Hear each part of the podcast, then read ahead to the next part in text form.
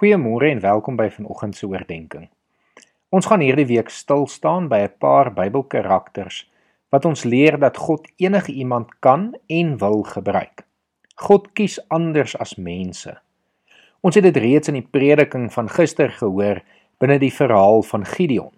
Vanoggend staan ons kortliks stil by koning Dawid en ek lees vir ons voor uit 1 Samuel 16 vanaf vers 1 tot en met 13. Die Here het vir Samuel gesê: "Hoe lank gaan jy nog oor Saul treur? Dit is ek wat hom verwerp het as koning oor Israel. Vul jou horing met olie en vertrek. Ek stuur jou na Isaai van Bethlehem, want tussen sy seuns het ek vir my 'n koning gesien."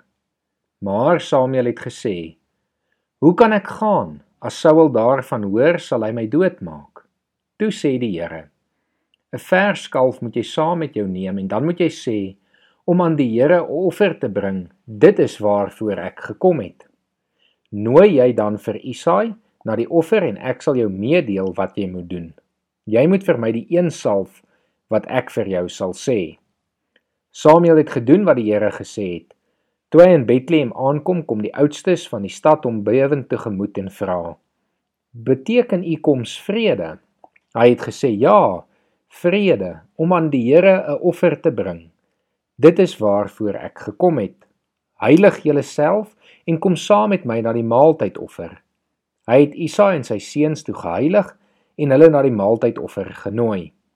Toe hulle inkom en hy vir Eliab sien, het hy gedink sekerlik hier staan voor die Here sy gesalfde. Maar die Here het vir Samuel gesê: Moenie na sy voorkoms en sy reisige gestalte kyk nie, want ek het hom afgekeur. Dit gaan immers nie oor wat die mens sien nie, want die mens kyk na wat hy sien, maar die Here kyk na iemand se hart. Isaai roep toe vir Abinadab en laat hom voor Samuel verbygaan. Maar hy het gedink ook hierdie een het die Here nie gekies nie. Daarna het Isaai vir Sama laat verbygaan, maar hy het gedink ook hierdie een het die Here nie gekies nie. So het Isaai dan sy sewe seuns voor Samuel laat verbygaan. Maar Samuel het vir Isaai gesê: "Die Here het hulle nie gekies nie." Samuel vra toe vir Isaai: "Is dit al die jong manne?" Hy het geantwoord: "Die jongste is nog oor, maar kyk, hy is besig om die kleinvee op te pas." Toe sê Samuel vir Isaai: "Laat haal hom, want ons gaan nie eet voordat hy hier aankom nie." Hy het dit gedoen en hom toelaat inkom. Die seun was rooierig met mooi oë en 'n goeie voorkoms. Die Here sê toe: "Staan op, salf hom, want dit is hy." Samuel het die horing met olie geneem en hom daar tussen sy broers gesalf. Die gees van die Here het van daardie dag af en ook verder van Dawid besit geneem. Samuel het toe opgestaan en na Rama gegaan. Net soos met Gideon was Dawid die jongste seun in sy gesin met die minste aansien.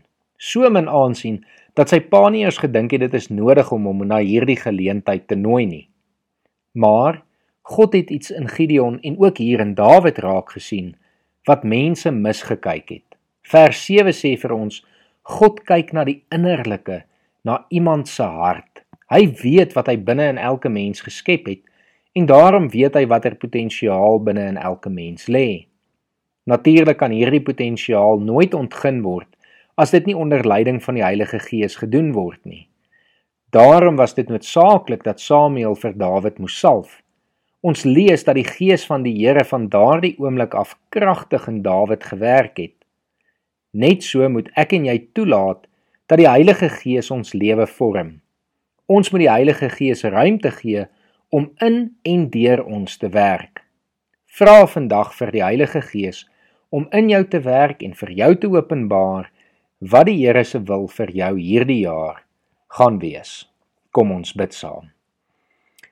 Here, dankie dat U anders kyk wanneer U mense kies om vir U te werk. Dankie dat U na ons innerlike kyk, na ons hart, dit wat U geskep het, Here. Here, en ons kom vra dat U ons nou leiding sal gee deur U Gees, sodat elkeen van ons sal weet wat U wil vir ons is hierdie jaar, Here. Mag ons dan gehoorsaam wees en U dien met ons hele wese. Ons bid dit in Jesus se naam alleen. Amen.